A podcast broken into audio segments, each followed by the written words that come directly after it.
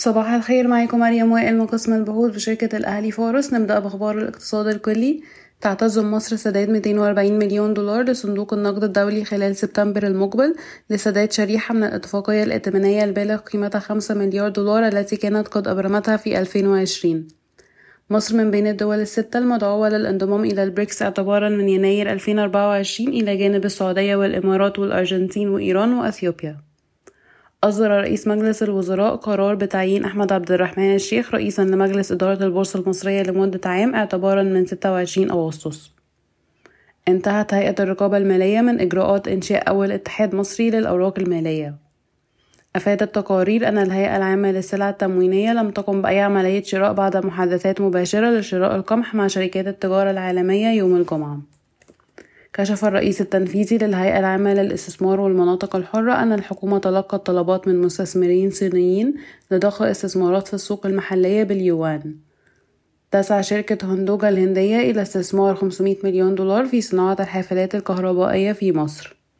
لمح رئيس مجلس الاحتياطي الفيدرالي الأمريكي إلى أن مجلس الاحتياطي الفيدرالي قد يضطر إلى مواصلة دورة التجديد النقدي مستشهدا بالتضخم المستمر مع استمرار الاقتصاد الأمريكي في تسجيل نمو قوي. رفع البنك المركزي التركي أسعار الفائدة يوم الخميس بمقدار 750 نقطة أساس إلى 25% ننتقل لأخبار القطاعات والشركات. أعلنت شركة السويدي عن نتائجها المالية للربع الثاني من عام 2023 حيث بلغ صافي الربح 2 مليار و700 مليون جنيه.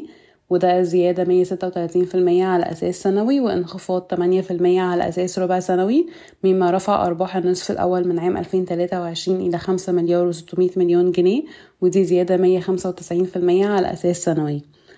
وقد تسارع النمو السنوي في صافي الدخل بسبب ارتفاع نمو الإيرادات والربحية في جميع قطاعات الأعمال إلى جانب ارتفاع مكاسب العملات الأجنبية التي عوضت جزئيا ارتفاع تكاليف التمويل والنفقات الإدارية.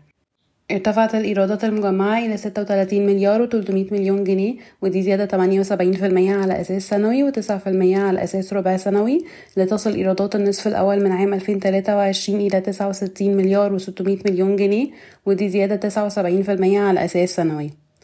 وقعت شركة ميدلوج شركة الشحن التابعة لشركة أم سي الإيطالية عقدا مع الحكومة لتصميم وإنشاء وتشغيل وصيانة وتمويل ميناء العاشر من رمضان الجاف الجديد ومركز الخدمات اللوجستية بموجب عقد شراكة مدته 30 سنة باستثمارات تقدر ب 100 مليون دولار. تم اختيار كونسورتيوم بقيادة أم سي في يونيو يضم السويدي أوراسكوم لإنشاء وتشغيل الميناء الجاف الذي تبلغ مساحته 250 فدان. تنتهي شركة سيدي كرير من عملية الاستحواذ على إثيتكو بحلول نهاية أكتوبر بحسب ما ذكرته وسائل الإعلام المحلية.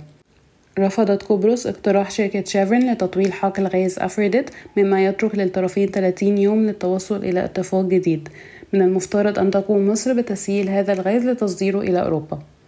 بدأت شركة نابتن أنرجي أعمال الحفر الاستكشافي في بئر ياقوت بامتيازها البحري الأمل بخليج السويس.